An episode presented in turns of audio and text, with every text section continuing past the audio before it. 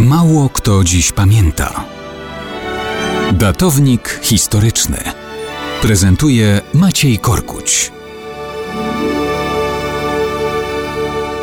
Mało kto dziś pamięta, że na początku października 811 roku cesarzem Imperium Wschodnio-Rzymskiego, przez nas nazywanego mianem Bizancjum, został Michał I Rangabe. Kiedy wzniósł się na szczyty, no mógł sobie pomyśleć, że jednak karma wraca.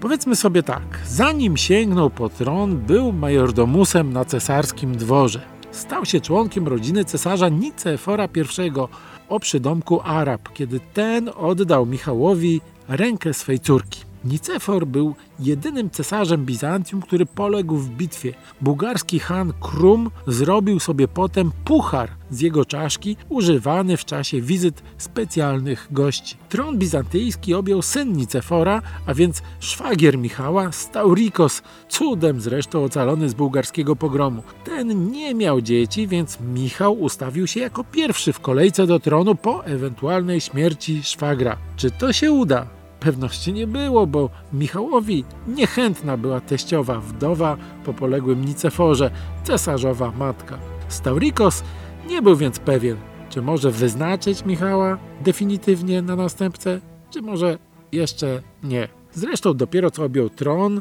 latem 811 roku i miał wiele powodów do tego, aby zwlekać z takimi decyzjami. Ale Michał czekać nie chciał. Bierze sprawy w swoje ręce, przygotowuje spisek. Wykorzystuje chorobę Staurikosa, aby przy poparciu armii i senatorów dokonać zamachu stanu. I w takich okolicznościach Staurikos zostaje z tronu usunięty zaledwie po dwóch miesiącach i kilku dniach sprawowania władzy.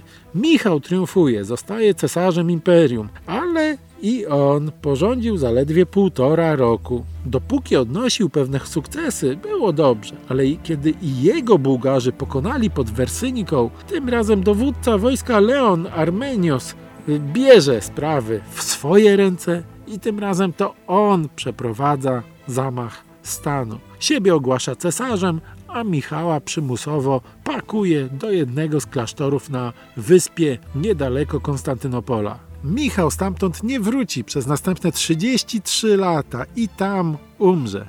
Więc cóż można dodać? Karma wraca.